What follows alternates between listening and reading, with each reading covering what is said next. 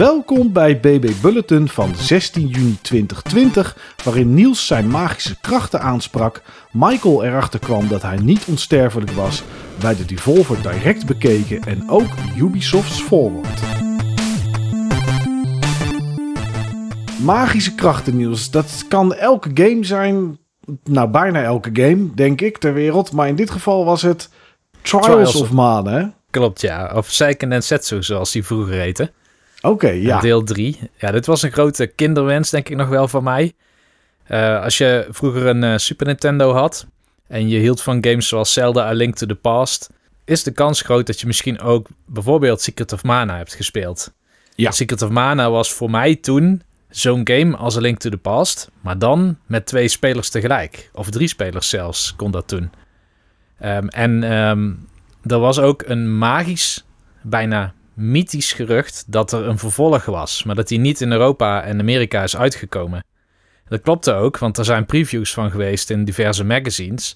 En dat was dan Secret of Mana 2, oftewel Seiken Setsu 3.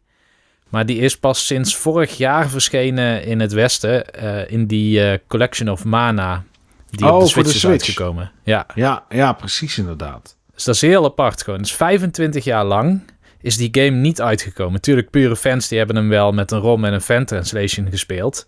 Ja. Maar nu echt voor het eerst is hij officieel gelokaliseerd en uitgebracht. En um, ja, laat ik uh, in ieder geval bij de conclusie beginnen. Het is het wachten zeker waard. Oké, okay, die 25 jaar die uh, in spanning zitten, zeg maar, die, uh, die, ja, die zijn ingelost. Ja, nou ja, ik heb de game wel eens op een emulator gespeeld. Ja. Voor niet zo heel erg lang. Uh, want ik probeerde dit soort games dan echt ook met z'n tweeën te kunnen spelen. Maar ja, die Mana games, die vind ik gewoon enorm gaaf. Zo, ook al hebben we volgens mij Secret of Mana ooit in een aflevering bestempeld als uh, een grote overrated game. Ja, dat klopt inderdaad. Ja. En was dat, was dat niet de game die je toen een keer met oud en nieuw ging spelen en dat je urenlang die boss fight, die eind uh, boss fight had Waarbij alles dan weer een keer terugkwam of zo. Of waarbij ja. je een zwakke plek moest zoeken. Wat dan niet lukte met bepaalde personages. Zoiets was het toch? Ja, klopt ja. Ik heb die met Netrunner gespeeld. Volgens mij hebben we er een keer of zes over gedaan. Best een lange game is het ook. Maar er zitten heel veel kleine frustraties in. Die maken dat de game heel moeilijk weer op te pakken is in deze tijd. Bijvoorbeeld het zoeken ja. naar hitboxes. Waar kun je nou iemand raken? Het spel staat de hele tijd stil. Elke keer als er een magic iets wordt gecast. En eindbazen doen dat zo'n beetje voortdurend. Dus je moet proberen steeds tussen te komen. En dan zit je maar weer te wachten voor vijf seconden. Vervolgens als het niet lukt. Het meest frustrerende was wel dat succesvol aanvallen deed je door zeg maar, je wapen te chargen. Dus dan moest je je attack knop ingedrukt houden. Oh ja. En, ja, dan duurde het bijvoorbeeld drie seconden om een balk te chargen. Maar als je je wapen goed had geüpgrade, kon je dat wel zeven keer doen. Dus dan zit je gewoon meer dan 20 seconden aan de zijkant van het scherm te hopen dat je niet wordt geraakt door iets. Dan kun je opnieuw beginnen. Maar dan kun je je zwaard chargen en dan loop je naar die baas toe in de hoop van dat je weet ondertussen waar die hitbox ongeveer zit. En dan laat je die attack los. En sloeg je dus mis, of hij blokt, of hij heeft net weer iets getriggerd of zo, dan kon je weer helemaal opnieuw beginnen met chargen. Ja, en het kon ook wel eens zijn volgens mij dat het not effective was of zo, toch? Dat hij daar gewoon uh, niet, dat hij daar gewoon tegen bestand was. Ja, want dan had je niet genoeg attack of uh, je, je, je zwaard was gewoon niet sterk genoeg. Ja, ja, super frustrerend lijkt me dat. Ja, maar deze game is in bijna alles beter. Oké. Okay. Dus deze is goed oud geworden. Ze hebben ten eerste dat attack systeem helemaal omgegooid, dus je hoeft niet meer te chargen. Je krijgt juist, zeg maar, toegang tot je special move door juist heel veel te slaan door te attacken, door zeg maar de, het momentum hoog te houden in je, in je combat. Okay. Dat werkt veel beter. Dus je, je bent veel actiever. En je bent niet aan het wachten om te attacken, maar je bent juist aan het attacken om te attacken. Uh, ten tweede, het spel staat veel minder vaak stil. Het komt nog steeds voor, maar stukken minder. De hitboxen zijn gefixt. Als je denkt, hier kan ik iemand raken, dan lukt dat meestal ook wel. Dus dat zijn positieve dingen. En, en dat is misschien wel het meest bijzondere, je hebt meerdere karakters vanaf het begin van het spel om te kiezen. Oké. Okay. Dus waar je voorheen gewoon één karaktertje was, heb je hier zes verschillende om uit te kiezen. En die hebben ook een verschillende beeld. Bijvoorbeeld, je hebt dan iemand en die is heel erg, zeg maar, in het archetype healer. Of je hebt iemand en dat is een archetype uh, gladiator, ik noem maar wat, zwaardvechter. Mm -hmm. um, en afhankelijk van wie je kiest, begint het spel ook anders. Dus dan begin je in een uithoek van de wereld. Beetje net als in Octopath Traveler, zeg maar. Ja, precies inderdaad, ja. Dat dacht ik gelijk aan. Ja, uiteindelijk gaat het spel dan wel via ongeveer hetzelfde verhaal verder.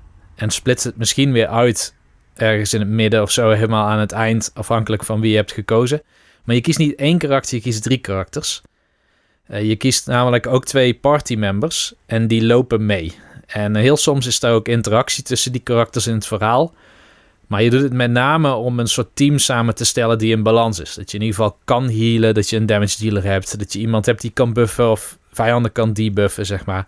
Dus ik was uh, Reese, dat is een soort Amazon uh, karaktertje. Je zou het misschien het meest kunnen vergelijken met een paladin in Diablo of zo. Dus iemand die Oh ja. een beetje kan attacken, maar ook kan buffen en debuffen en een heel klein beetje kan healen of zo. En uh, Nesrunner was um, Duran en dat is die, zeg maar, zo'n zwaardvechter. Dat is echt de damage dealer dan van je team. En um, de, de dingen die we dan moesten doen was bijvoorbeeld, dan moet ik iets casten zodat dat hij meer damage kan doen. En dan kan hij ook nog eens een element op zichzelf casten. En dan het derde poppetje wat ze maar meeliep en wat door de CPU werd bestuurd, dat was onze healer. Maar je kan gewoon tijdens battles ook tussen karaktertjes wisselen. Dus je kan ook denken, oké, ik ga gewoon de healer zijn, want ik wil voorbereid zijn op alle attacks die vijanden doen. Ja, precies. Maar als je dat dan doet, hè, dan is één iemand is speler één, zeg maar. Dus um, daar in die uithoek, daar begint het verhaal dan, denk ik. Klopt. Want het, ja, precies. Oké. Is dat dan, kan je dat zelf kiezen? Of bepaalt de game dat? Of is gewoon hoofdspeler, dus het is jouw Switch of uh, het is jouw PS4 of waar je het dan ook speelt. Jij bent ja, de eerste die de game start, de andere joint jou, dus die heeft dan pech, zeg maar, en het begint op jouw plek. Werkt het op die manier? Ja, ongeveer. Um, de speler 1 die begint inderdaad op dienstplek in die wereld. Mm -hmm. um, en die moet de andere spelers nog vinden. Oh, je moet ze nog ophalen. Net zoals eigenlijk bij Octopath Traveler ook. Dan ja. ontmoet je elkaar ook later. Ja, klopt. En je komt uiteindelijk ook in al die begingebieden van die andere spelers langs. Maar um, ja, je doet er denk ik zo'n uur over, misschien anderhalf, om in ieder geval je party compleet te hebben. En dan kun je in ieder geval gewoon verder gaan met twee spelers. Dus in het begin inderdaad speel je tijdelijk met één speler. Was bij uh, Secret of Mana ook zo. Ja, oké, okay, oké, okay, ik snap het. Maar wat wij niet wisten en waar we pas heel laat zijn achtergekomen... want we hebben Trials of Mana ook uitgespeeld... Um, in denk drie of vier sessies in totaal. Maar wat we niet wisten is, je kan bij deze game ook stads kiezen. Net als bij Diablo 2 ga je level up, dan mag je zelf kiezen waar je dan je skill points in investeert. Oké. Okay. Soms dan zijn er nog wel grenzen aan. Je kan niet de hele tijd bijvoorbeeld in, uh, ik noem maar wat, uh, stamina of zo investeren. Het spel forceert je om af te wisselen, doordat je niet twee keer hetzelfde kan kiezen. Maar we dachten eerst dat we uh, een beetje net als Diablo 3, zeg maar, gewoon moesten investeren in dat wat ons karakter uniek maakt. Dus ik investeerde heel veel in intelligence met Reese, die Amazon. Want intelligence, ja. dat appelleert zeg maar aan, uh, aan uh, magic power. En uh, Roel Nesrunner, die investeerde heel erg in strength. Want hij wilde zijn gladiator sterker maken. Maar ja, nou bleek... dus die wilde damage doen met zijn zwaard of wat dan ook. Ja, precies. Ja. Maar, maar nou bleek dat allerlei speciale skills... die unlock je afhankelijk van, um, zeg maar, je stats. Dus het kan zijn dat je in een of andere hele domme stad zoals Luck... waar je nooit in wil investeren, want ik weet ook niet eens wat het doet... maar dat je bijvoorbeeld uh. vanaf 12 Luck krijgt die speler in één keer een heal the whole party skill of zo, weet je wel. Oké, okay, ja. ja. Ja, meestal is luck, tenminste het enige waar ik weet dat luck meestal voor is, is voor drop rate van items van uh, tegenstanders als je ze geslacht hebt voor de loot. Ja, volgens mij is dat hier ook zo, ja. Ja. En uh, wat het laatste nog is wat ik wilde melden, wat deze game ook heel cool maakt, is je kan ook uh, character builds maken. Dus je begint met een beginklas. Maar je kan tot twee keer toe upgraden naar een ander soort class. Die ook alleen maar werkt voor, voor het poppetje wat je kiest. Dus bijvoorbeeld uh, um, de healer kan een cleric worden. Maar jouw Amazon of zo kan geen cleric worden. Die kan een, uh, volgens mij noemden ze het uh, Star Lancer of zo worden. En dat soort dingen. Mm -hmm. Dus zo kun je alsnog customizen gedurende de game naar een, een andere verdeling aan statistics of, of een andere set skills. Want wij kwamen er bijvoorbeeld achter dat uh, onze healer, die kon eigenlijk alleen maar unieke poppetjes healen. Totdat hij een keer een andere klas werd. En dan gingen we ook echt in een guide opzoeken van... Oké, okay, welke klas kunnen het beste kiezen? Je wil bijvoorbeeld gewoon in één keer je hele party kunnen healen... in plaats van elke keer iedereen los. Ja. En je wil in ieders wapen buffen in plaats van elke speler los. Dus dat, eh, dat kwam er pas echt heel erg laat achter. eh, hoe je dat goed kon benutten. En de laatste upgrade die je kan doen, dus de laatste class change, die is afhankelijk van bepaalde items die droppen. Maar die droppen random. En dat item Oh. bepaalt welke class je dan kan worden. Oké, Eh, dat is wel apart. Ja, dus ik had heel veel geluk, want ik wilde zeg maar die Starlancer worden. En, en die kon ik ook worden dankzij het item wat ik kreeg. En we konden gelukkig onze healer ook een cleric laten worden, wat voor healing althans gewoon de beste class lijkt te zijn.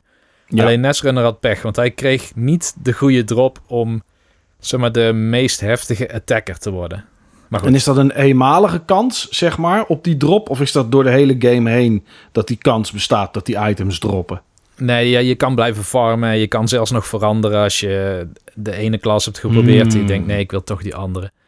Maar goed, het, het is gewoon een hele toffe game. Dat Mana-universum vind ik cool. Het is een hele kleurrijke wereld met van die grappige, koddige beestjes. Niet echt grote draken of zo. Ja, eindbaas misschien wel, maar meestal vecht je tegen konijntjes of zo die, die bijten. Of, of wandelende bloemen of, eh, of, of mushrooms of schaakstukken of zo. Weet je wel, dat soort dingen. En met name deze game heeft veel gevarieerdere gebieden dan Secret of Mana. Dus je zit soms op een ghost ship waar je de mast in klimt om een eh, vijand te verslaan. Dan zit je weer eh, in een vulkaan of, of in een tundra-achtig gebied, weet je wel. En dat maakt deze game wel echt eh, tot in ieder geval een van de beste Super Nintendo roleplaying games die ik heb gespeeld. Oké, nice. Ehm, ik ben afgelopen week begonnen aan een, aan een demo. En er was er eigenlijk eentje waar ik eh, wel naar uitkeek en niet naar uitkeek. Nou, dan kan je maar één ding doen om te bepalen of je het wel of niet leuk vindt. En dat is gewoon spelen. En dat is Mortal Shell. Ehm, ja, het is een, Souls-like game. En ja, dat is een hele erge Souls-like game als je, als je er een beetje in duikt. En het is, ehm, het is nu nog een demo. Eh, De game is nog niet uit. Dat eh, voorlopig, zover ik weet, alleen nog voor PC aangekondigd. En het is, ja, het is, eigenlijk is het wel heel erg Dark Souls. Als je dingen ook een bonfire gaat noemen, ehm, ja, dan, eh, dan leunt het er wel heel erg tegenaan. Maar goed, eh, wat is het? Wat is er leuk aan? Wat is er niet leuk aan? Daar heb ik, ben ik een beetje op gaan letten. En daardoor ben ik eigenlijk het verhaal, wat er nou, niet heel erg veel in zit, ben ik eigenlijk een soort van kwijtgeraakt. Maar net zoals in Dark Souls moet je het verhaal zelf willen opzoeken.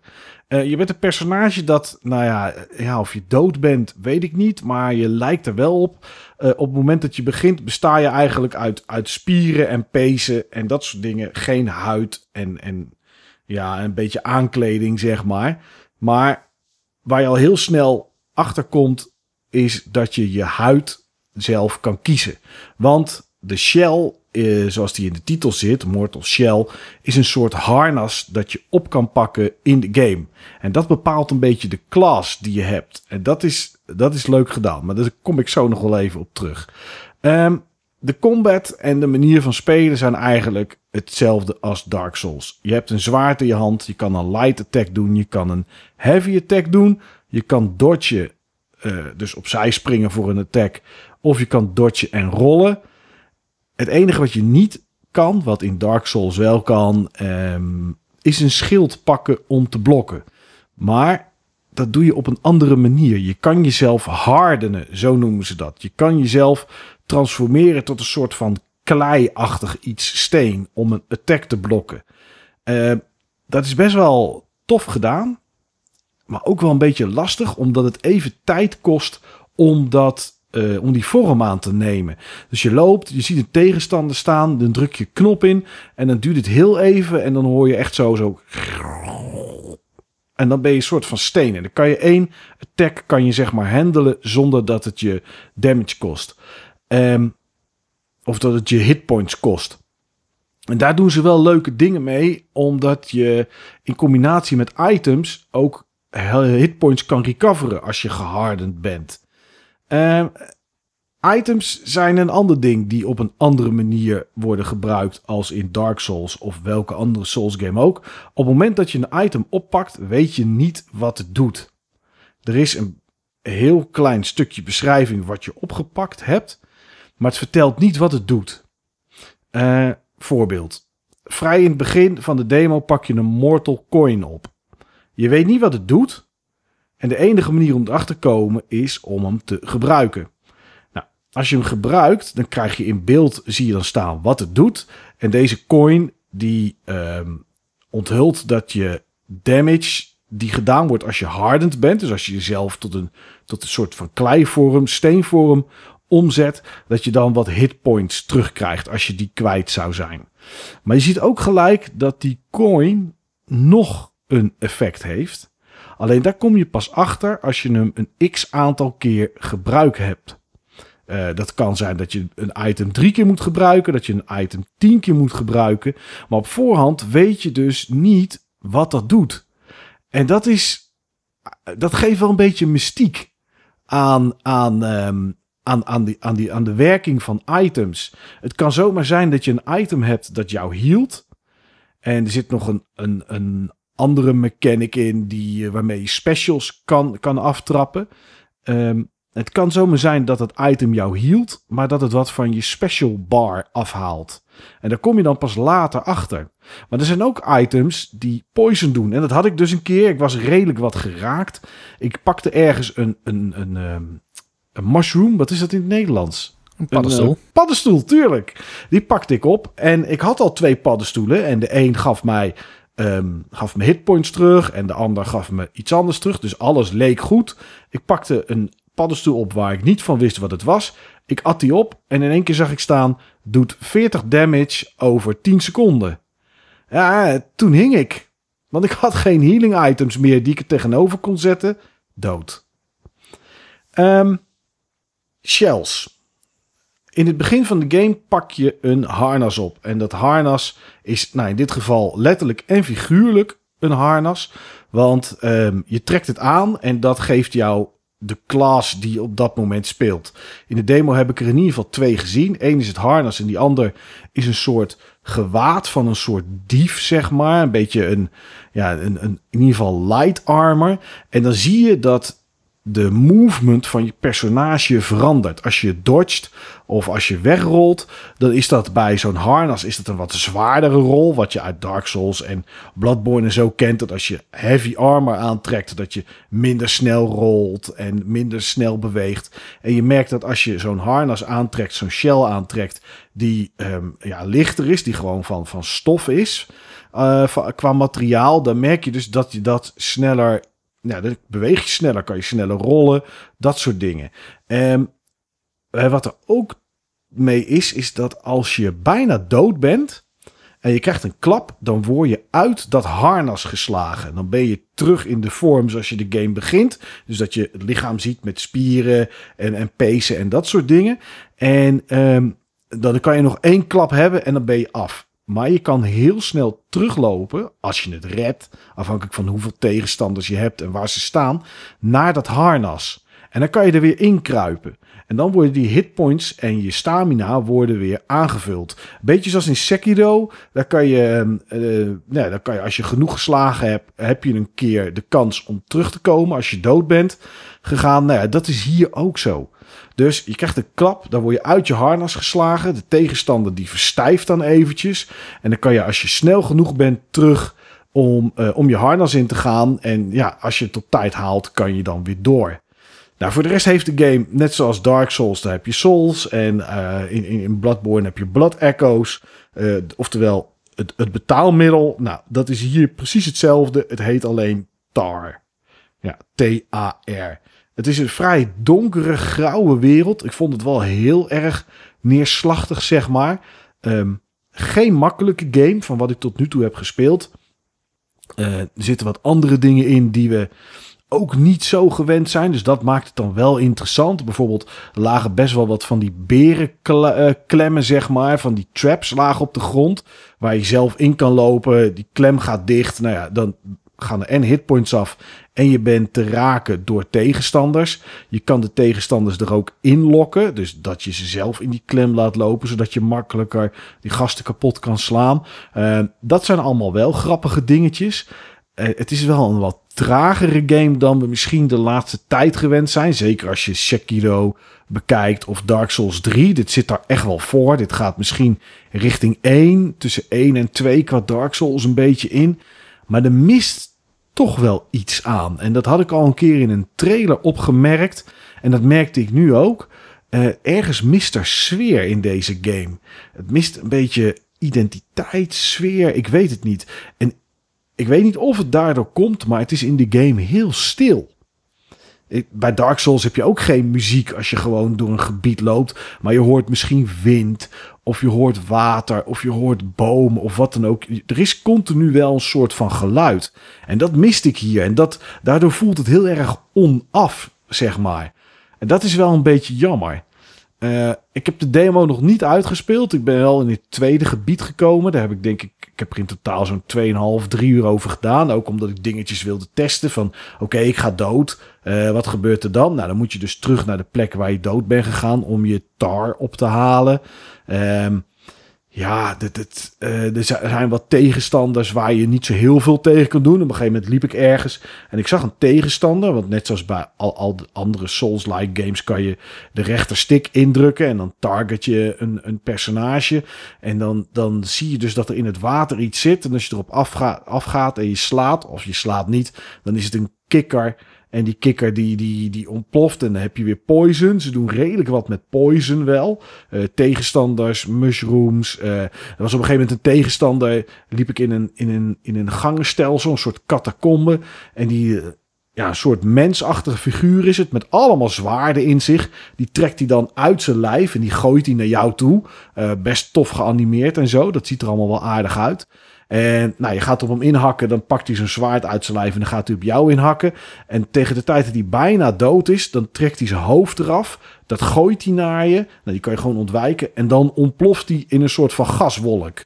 Dus er is best wel, um, ja, er is best wel creativiteit in die tegenstanders gestopt. Ja, het laatste is verhaal, wat ik zei. Uh, net zoals bij, uh, komt hij weer, maar het is echt zo. Uh, Dark Souls, Bloodborne, weet ik veel wat. Zit het verhaal in de items en in de uh, kleine dingetjes die je vindt in, in de wereld. Um, er zit ook een menuoptie in waarin je alles terug kan lezen. Je items en de descriptions erbij. En alle, alle notities die je, ja, die je tegen bent gekomen. En ja, dat alles bij elkaar moet dan straks voor een eh, interessante wereld gaan zorgen. Of dat het gaat doen, weet ik niet. Er is ook nog geen release datum voor de rest, niks. Het is puur nog in, in beta. Maar iedereen kan het spelen ja, op PC. Um, het zit in de Epic Store. Daar is de demo beschikbaar. En die kan je gewoon uh, gratis downloaden. Uh, Xbox controllertje eraan of PlayStation 4 controller eraan. En dan uh, ja, kan je kijken of dit misschien iets voor je is. Dat is wel grappig, Mike, want ja, ik zat net naar screenshots te kijken en ik dacht, zo, het ziet er wel echt heel erg sfeervol uit. En precies op dat moment zei je, wat er wel mist, is sfeer.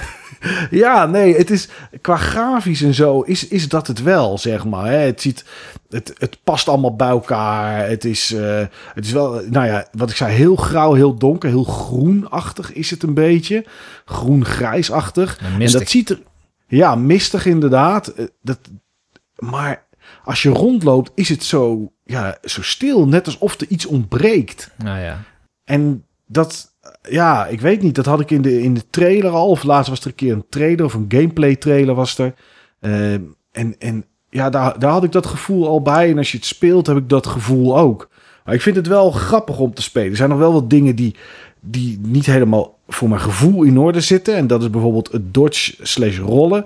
Als je één keer op knop drukt, dan dodge En dat is best een groot stuk wat je wegspringt. Dan heb je eigenlijk bijna rollen niet nodig. Maar als je dubbel op die knop drukt, net zoals in Dark Souls is dat ook, klik klik, dan gaat die rollen. Maar soms heb ik mijn stick naar rechts, dat ik naar rechts wil rollen. En dan rolt mijn personage naar links.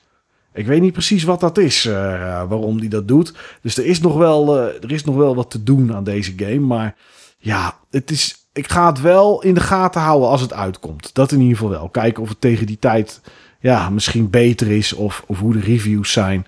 En uh, misschien is het, is het er dan wel eentje om op te pikken. Afgelopen weekend was het druk. Devolver Digital, Ubisoft Forward. Uh, ik heb ze beide gekeken, Niels. Wat jij? Ik heb ze ook beide gekeken. Kijk, dat is mooi. Devolver was op zaterdagavond. Um, Ubisoft op zondagavond. Ja, laten we maar bij het begin beginnen. Devolver. Uh, heb je het live gekeken, Niels? Jazeker. Ah, uh, dat, uh, ja, het spijt me dan voor je. Jij Althans, niet. nee, ik heb het niet live gekeken. En nou ja, goed, er waren in totaal zes games te zien. Er werd nog wel één of twee dingetjes extra aangekondigd. Het was een show van volgens mij 40 minuten. En ik was echt heel blij dat ik het terugkeek op YouTube. Want dan kon ik de speed op anderhalf keer zetten. Mm. Uh, en op het moment dat er iets met een game getoond werd, dan kon ik het weer rustiger aan uh, op normale speed zetten. Um, ja, uh, zat er iets tussen dat je interessant vond? Of dat je denkt van, hé, hey, hier moeten we het even over hebben? Wat ik vooral leuk vond aan deze show was dat ze dus bijvoorbeeld Shuhei Yoshida erin hadden zitten, Phil Spencer. Ja. Jeff Keighley zat erin en uh, iedereen's uh, uncle at Nintendo. Ja. maakte ook een surprise. Uh... Oké, daar moest ik wel om lachen. Ja, nou ja, maar het schept natuurlijk zo'n verwachting. Als je eerst, daar van PlayStation ziet en dan Phil Spencer van Xbox, dan denk je, wie hebben ze dan bij Nintendo gevonden? En dan hebben ze een of andere acteur. Ja, een hele, ja, een hele vieze, dikke, dikke, dikke kerel die er heel onaantrekkelijk uitzag. Ja. Een beetje voor de mensen die het gezien hebben. Uh, South Park had ooit zo'n World of Warcraft aflevering. En daar zat een kerel in en die was een soort van god of king of zo binnen die game. Nou ja, zoals die erbij hing, zeg maar, zo zag de uncle van Nintendo er ook ongeveer uit, ja. Ja, maar die Devolver Directs, die zijn altijd wel acquired tastes. En dit is volgens mij de derde. En de eerste keer toen vond ik het helemaal niks. Super vervelend. De tweede keer vond ik het ook niks. Maar ik dacht, ja, dit is gewoon een ding. En nu was het deze keer wel geklikt. Dus ik vond dit serieus leuker dan uh, State of Play of uh, Xbox uh, of, of de PlayStation 5 onthulling, zeg maar. Ik heb bijna de hele tijd zitten lachen. Niet okay. de eerste vijf minuten, maar um, op een gegeven moment, toen, met name toen dan de gasten erbij kwamen, toen klikte het wel voor mij. En het is een soort van heel self-aware, want ze hebben het de hele tijd over... ja, uiteindelijk maakt het mensen niet zoveel uit welke games er komen... als het maar gewoon veel teasers en trailers zijn. Ja. De hype overstemt eigenlijk de, de, de game zelf. En ja, dat vond ik wel mooi inderdaad. Ondanks dat ik het op anderhalf speed had draaien... kon ik het wel gewoon verstaan. Uh, ja, ze tikte wel de dingen aan die je nu ziet...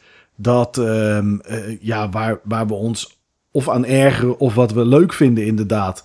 Uh, zeiden op een gegeven moment ook, ja, we moeten wel gameplay hebben. Ja, maakt niet uit eigenlijk uh, of we gameplay hebben en hoeveel gameplay. En mensen willen toch alleen maar trailer na trailer na trailer na trailer zien. Ze hadden op een uh, gegeven moment ook drie nep-trailers van games die helemaal niet uit gaan komen. Klopt, ja, die op hele rare platformen ook. weet ik, iets met, iets met, iets met de 64 erin en dat soort dingen allemaal. Ja, ja, ja, ja, dat was op zich op zich was dat wel grappig. Maar er was ook een, een iemand die. Nou, die was er niet, maar eigenlijk ook wel. Ik snapte niet wat hij nu kwam doen. Je zag op een gegeven moment een lege badkuip uh, uit The Witcher 3. En je hoorde uh, Geralt of Rivia hoorde je spreken. En die zei wel wat dingen, maar wat, wat hij er nou deed, snapte ik helemaal niks van. Oh ja, ja, ja. Nee, dat was gewoon in het rijtje van, uh, van gasten. Onzin dingen. ja. ja. Ja, en daar zat ook Sonic Fox zat daarbij. Zo'n gast die uh, heel goed is met fighters. Mortal Kombat heeft hij vaak toernooien gewonnen, ook op Evo en zo. En die kwam met zijn eigen fighter. En volgens mij was dat ook nep, maar je zag wel beelden van iets, heel kort. En dat was Fur Fighters 4 of zo. Die zeiden, ja, maar ik heb 1, 2 en 3 nooit gehad. Ja, dat maakt niet uit. We noemen het gewoon deel 4. Ja. En, dat, en dat kwam dan ook voor echt zo'n verzonnen platform uit. Dus ja, er zaten wel leuke dingen bij. Dat moet ik wel eerlijk toegeven. Maar inhoudelijk, hè? dat was natuurlijk je vraag. Zat er iets tussen wat je zou willen spelen? Ja, ik was eigenlijk heel verrast door Shadow Warrior 3. Hmm. Wat een soort uh, Shadow Warrior meets, zeg maar, Doom 2016 geworden is. Ja, ik had hier staan... Um, ik weet niet, omdat ik deel 2 niet gespeeld heb, wat er precies nieuw is. Maar ik vond dit de komische Doom Eternal. Ja. Ja, ook een grappling hoek erin, uh, finishing moves, gore daarbij. Uh, ik vond het er heel tof uitzien. Ja, ja eens. Ja, en het is. Ik vond de eerste niet zo tof, omdat ik nooit zo hou van first person zwaardvechten. Er zijn, uh, vorige week had ik het, uh, had ik het natuurlijk over. Um, oh ja, Vorige week had ik het over Bright Memory. Daar zit ook zo'n zwaardvechtding in. En vaak als je dan gaat, gaat slaan met zo'n zwaard, gaat het beeld ook bewegen. En wordt het heel, voor mij in ieder geval, heel lastig oriënteren waar wat nu is. Daarvoor vond ik de eerste Shadow Warrior, toen die geremaked werd, zeg maar, ook wat, ja, vond ik wat minder prettig. Maar ik, ja, ik zag hier wat minder zwaardvechten in. Heel veel schieten en, en, en zwaaien en zwieren met die grapplinghoek. Ik vond het er heel tof uitzien. Ja, 2021 eh, voor degene die dat, uh, die dat interessant vindt. Ja, voor mij sprong deze er echt uit. Want Serious Sam heb ik te lang niet meer gespeeld. Ik heb deel 1 gespeeld, maar de andere niet. Uh, ja. Die... Klija, zoiets. Ik weet niet meer hoe die heet. Maar... Ulia. Oh, het begint met een O. Ja, het leek op een C. Ja. Maar het was een O. Ulia, inderdaad. Dus, ja, ik heb hier staan een soort Dead Cells. Een beetje roguelike 8-bit stijl. Ik vond het wel wazig. Maar ik wil het mhm. wel spelen. En er is een demo uit voor PC, maar ik heb het nog niet gespeeld. Oké, ja. Ja, en uh, Carrion, die kenden we al. Ja. Maar ehm, ja, die was gewoon leuk omdat dan dat, dat karakter, zeg maar, naast Phil Spencer stond in de aankondiging ervan. Ja, en Phil zat er natuurlijk bij, Phil Spencer, omdat de game vanaf 23 juli komt die uit en zit direct in de Xbox Game Pass. Ja, dat is heel cool. Dus daar ga ik hem ook zeker op proberen. Maar ik denk dat voor mij hè, is uh, een van de dingen die er uitsprong, was Devolverland Expo. Eigenlijk zou je bijna denken het is een grap, maar ik heb hem vandaag gespeeld. Oké. en, en er zit veel te veel aandacht in om het een grap te laten zijn. Ja, want het is eigenlijk het E3-gebouw. En uh, ja, dat is natuurlijk nu gecanceld. Er is nu geen E3. Het was ook de Futures Future of die gecanceld was of zo. Ik weet niet wat ze ervan maakten. Maar je, kon dan, je kan dan door een soort virtuele E3 heen lopen met alle games die ze aangekondigd hebben of zo, toch? Ja, klopt. Het is net alsof Devolver de enige is die stands heeft gehuurd. Hoewel Nvidia zit er ook in. Ehm, maar gewoon om heel kort uit te leggen wat je doet. Zeg maar, je, je komt inderdaad het gebouw binnen en dan staat er uh, e, 3 is uh, afgelast. De Futures Futures Future is cancelled. En um, dan uh, probeer je zeg maar naar de Zuidhal te komen. Ik ben nooit in die conventiecenter geweest, dus ik weet ook niet hoe, hoe het eruit ziet van binnen. Dus ik moest heel erg wennen. Ja. Maar het is een soort, bijna een soort van inbreeksim, zeg maar. En er zijn overal robots die de omgeving in de gaten houden en scannen. En uh, in het begin dan ben je gewoon aan het rondlopen en dan staan er wat objectives in het scherm. Van probeer de Zuidhal in te komen, maar dan lukt dat niet omdat die deur op slot zit. Dus dan moet je in de security room zien in te breken. Uh, maar net voordat je daar bent, dan kom je bij uh, zeg maar zo'n t-shirt booth. En daar ligt een gun en die schiet t-shirts. Um, en die t-shirts die kun je tegen robots aan schieten en dan zijn ze tijdelijk disabled. Uh, maar je kan ze ook schieten, bijvoorbeeld tegen switches. Dus op die manier kun je misschien deuren openen. En ja, in principe kom je steeds door verschillende booths van games van Devolver. En de trailers die staan daar ook aan. En het is meestal ook de bedoeling dat je die trailer dan kijkt. Want dat is dan een objective. Uh, maar er zijn ook hidden items die je kunt vinden waar je schijnbaar een geheime trailer mee zou moeten kunnen zien, maar dat is mij niet gelukt. Oké. Uiteindelijk uh, duurt het zo'n 50 minuten, denk ik, om het door te spelen. Um, kom je zo'n zes games tegen. In ieder geval die games die in, uh, in, in de Devolver Direct zaten. Waarvan ik met name die Fall Guys uh, heel cool vond om daar langs te komen. Want daar komen dus allemaal van die karakters op je af. En die hebben heel veel physics en die beuken tegen elkaar aan en zo. Ja. En uiteindelijk een groot eindbaasgevecht. Oké. Ja, het is best grappig dat ze dit gemaakt hebben. Het, het, het toont wel aan dat, dat Devolver toch anders is dan de rest. Ja. dat zie je ook wel in de manier dat ze het presenteren natuurlijk. Het is, het is een soort van slechte B-horror-achtige film vaak. Wat ze dan een soort te, te, ten toneel spreiden met ontploffende mensen, bloed uit neuzen. En ik weet allemaal niet wat je allemaal ziet. Handen die ontploffen, er gebeurt van alles. Uh, slechte humor, uh, de, uh, soms ook wel grappig, moet ik heel eerlijk toegeven, inderdaad. Maar het is, ja, ze zijn anders dan anderen. Dat is, dat is wel zo. Ja, ik, uh, die Volvoland Expo moet ik, nog, moet ik nog een keer proberen, inderdaad. Maar ja, het, al met al was het niet heel, heel veel content. Maar wat erin zat, uh, want Fall Guys, zei, jij. Ja, op zich is, vind ik dat denk ik ook wel grappig. Het is uh, eh, 60 spelers en je krijgt een soort minigames. En elke keer vallen er wat mensen af. Of één of meerdere. En uiteindelijk zal het dan een 1 tegen 1 of misschien 1 tegen 3 of 4 zijn of zo aan het einde. En dan wint er dus één iemand. En dat vond ik ook best wel grappig. Het komt 4 augustus uit voor PS4 en voor PC. Ehm, ja, ik vond dat ook, ook best leuk, Niels. Ja, ja, dit weet zich dan ook te onderscheiden. Hè? Want je hebt superveel van dat soort physics duw spelletjes de laatste tijd. Ja. Van uh, Beastly Gangs, of ik weet niet meer precies hoe het heet. Uh, Push Your Family. En ik heb ooit zo'n demo gespeeld van uh, Nippon Marathon. Dat is ook gewoon een en al probeert Oh, te ja. overleven in de physics, terwijl alles je probeert te tackelen. Maar dit is inderdaad gewoon heel veel spelers. En dat maakt het Ja. wel heel anders en bijzonder. Ja, ja, ja. Al met al denk ik eh, dat ze voor wat ze altijd doen, dat ze best iets aardigs hebben neergezet. Ja. Ehm, ja, Ubisoft was dus de avond daarna. Dat was op zondagavond, eh, ook hetzelfde tijdstip. Heb ik ook niet live gekeken, want toen zat ik in de auto. Dus dat werd een beetje, een beetje, een beetje lastig. Eh, dus ik heb dat teruggekeken. En ik heb, moet heel eerlijk zeggen dat ik het meeste alleen maar de trailers heb gekeken. Want tussendoor zat niet zo heel erg veel. Ehm, ja, het eerste waar ik het even over wil hebben... was ook het eerste wat ze lieten zien... was Watch Dogs Legion. Komt 29 oktober uit. Ook naar Xbox Series X via Smart Delivery. Ik vond het heel apart dat er geen enkele mention was over de PS5. Hm. Wel PS4 stond er. Maar ehm, ja, voor de rest helemaal niets. En er was een trailer van zeven minuten aan gameplay. En ik kon het niet afkijken, Niels. ik, vond het, ik vond het verschrikkelijk. Ik vond er zo niks boeiends aan zitten. Ja. Echt helemaal niks. Ik weet niet. eh, Ja, een andere kameraad van mij zegt: Oh man, ik denk dat dit het leukste is wat ze hadden. Nou, eh, ja, dat kan. Als ik het lijstje even zo bekijk van de games die ze lieten zien. Maar ja, vond jij dit boeiend?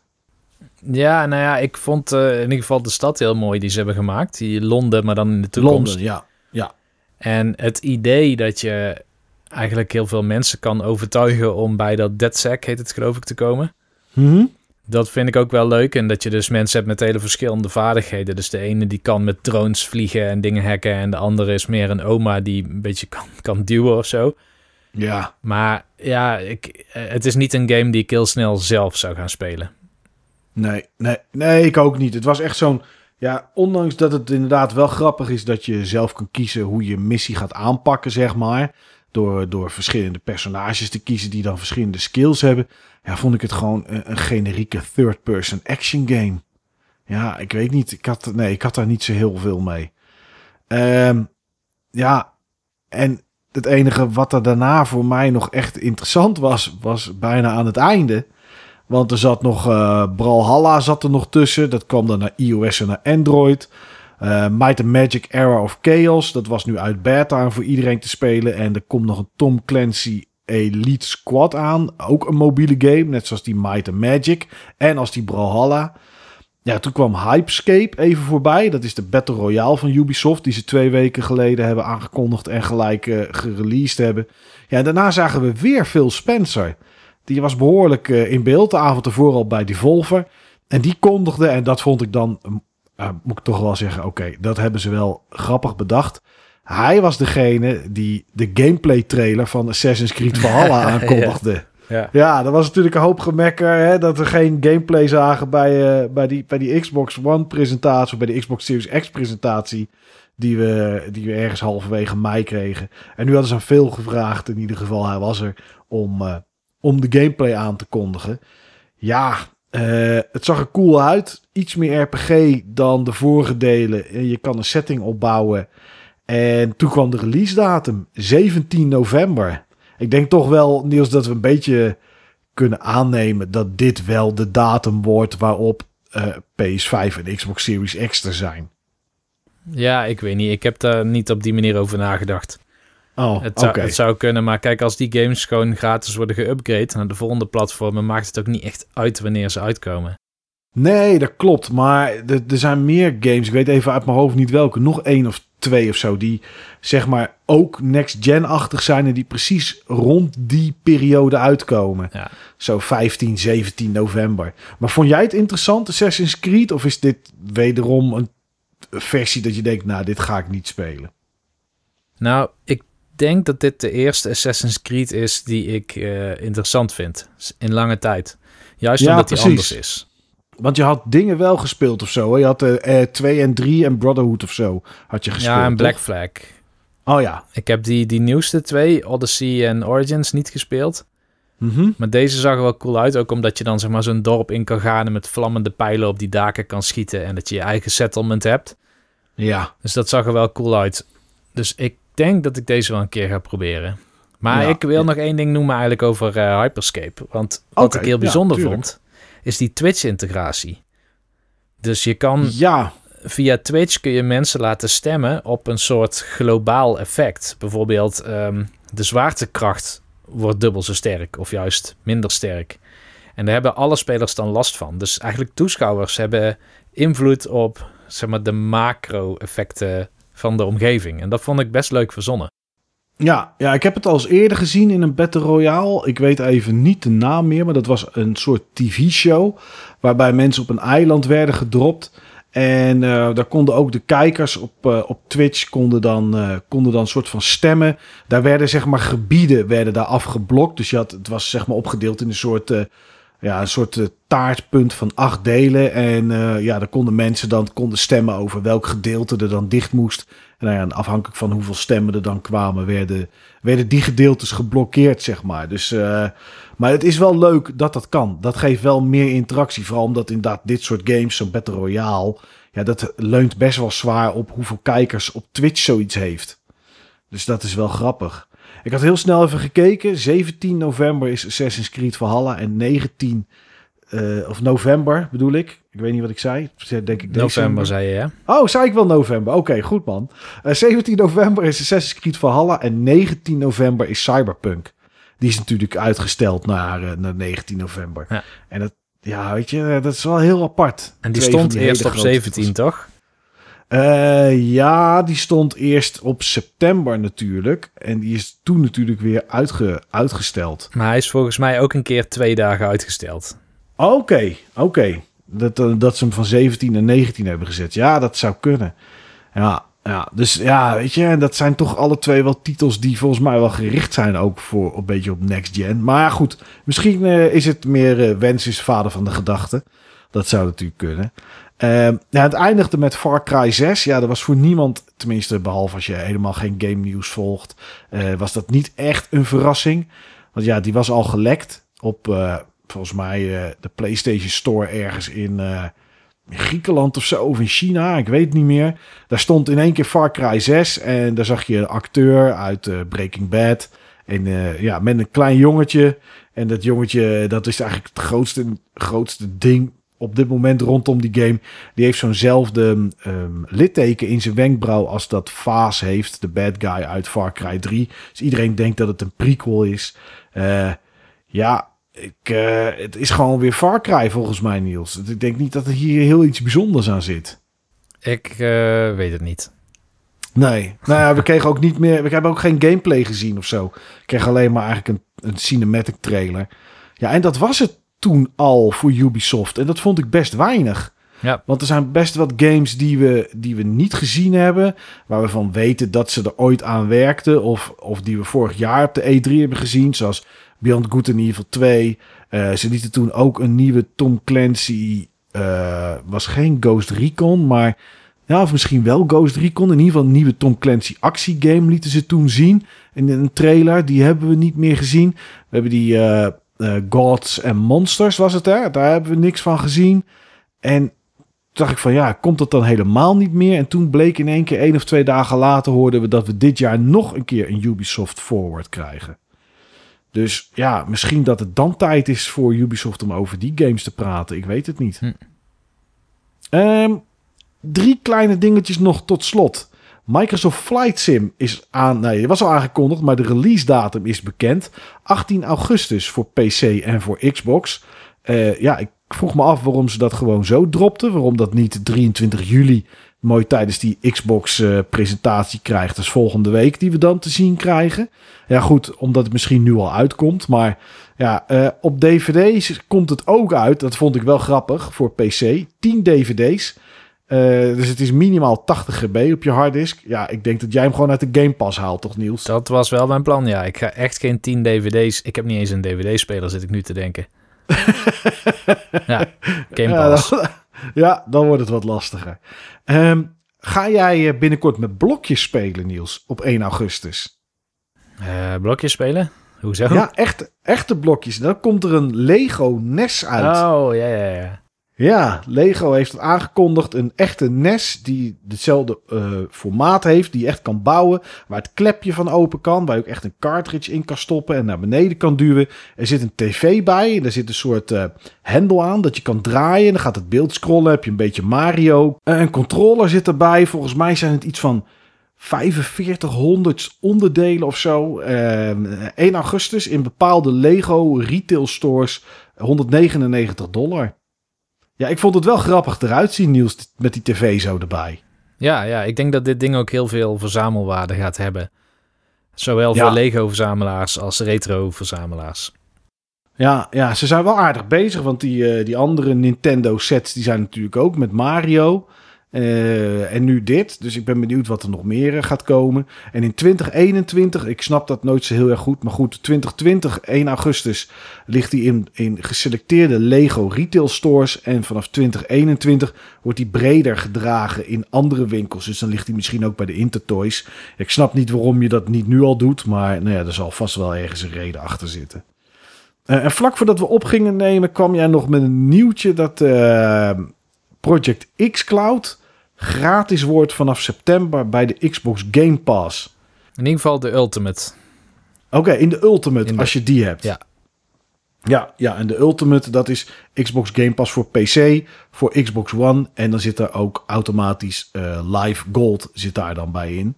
En toen was ik een beetje verbaasd over wat dat dan moest zijn. Niet dat ik niet weet wat Project X Cloud is, maar er is een tijd geweest dat Project X Cloud twee dingen omvatte. Uh, het het ene is games streamen vanuit de cloud. Nou, dat is wat dit is. Daar zitten iets van 50 games op dit moment in.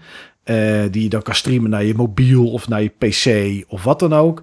En ze hadden ook Project X Cloud voor op je Xbox, zodat je je machine om kon toveren. Echt gewoon je Xbox console tot een machine die elke game die je daarop had kon streamen. Maar dat hebben ze nu, hebben ze die naam een beetje aangepast. Het heet nu gewoon console streaming of zo. Dus dat zit er dan niet bij.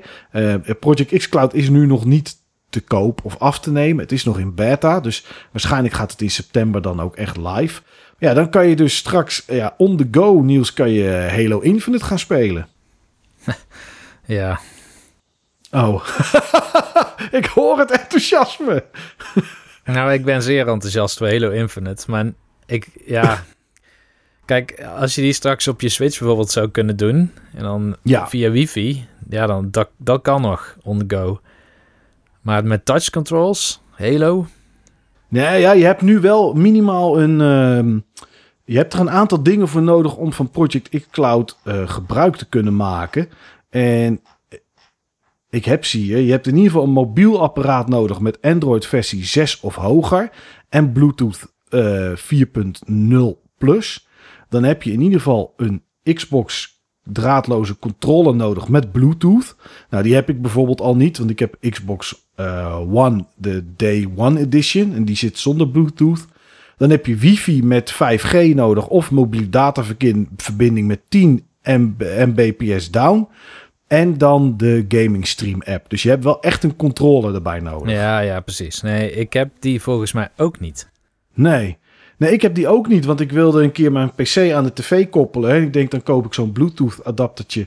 Uh, of misschien zit het wel op mijn moederbord, dat weet ik eigenlijk helemaal niet, omdat ik er voor de rest geen gebruik van maak. En dan koppel ik mijn controller eraan, maar dat werkt bij mij niet. Dan moet ik een losse controller kopen, uh, zo'n zo'n nieuwere met Bluetooth. Dus uh, ja, dat is wel een dingetje. maar goed, dan als je dat hebt, dan, ja, dan, kan je er dus, dan kan je er dus gebruik van maken. En dan kan je op je mobiel kan je dat spelen. Onderweg, ja, weet je, onderweg als je in een trein zit en je hebt even geen, uh, even geen goede, goede internetverbinding. Ja, dan houdt het natuurlijk wel een klein beetje op. Uh, maar ja, goed, dat is. Uh, het kan in ieder geval. Het zit er straks gratis bij. Dus een keer proberen. Nou ja, gratis bij. Je koopt het er gratis bij. Zou het maar zo noemen. Dus een keer proberen kan geen kwaad. Ja, dat was hem voor deze week nieuws. Volgende week wordt het druk. Mm -hmm. Volgende week is het Microsoft. Dus ik ben benieuwd wat dat, uh, wat dat gaat doen. Um, ja, en voor deze week was er eigenlijk niet veel meer dan dit. Maar ik denk dat we, nou, dat we de tijd aardig vol hebben gekregen met de Devolver en met Ubisoft. Goed, bedankt voor het luisteren naar deze BB Bulletin. Volgende week zijn we terug. Ik kijk er nu al een beetje naar uit. Ik ben heel benieuwd wat ze gaan laten zien bij Microsoft. Maar goed, daar hebben we het volgende week over in een nieuwe aflevering van BB Bulletin. Oh,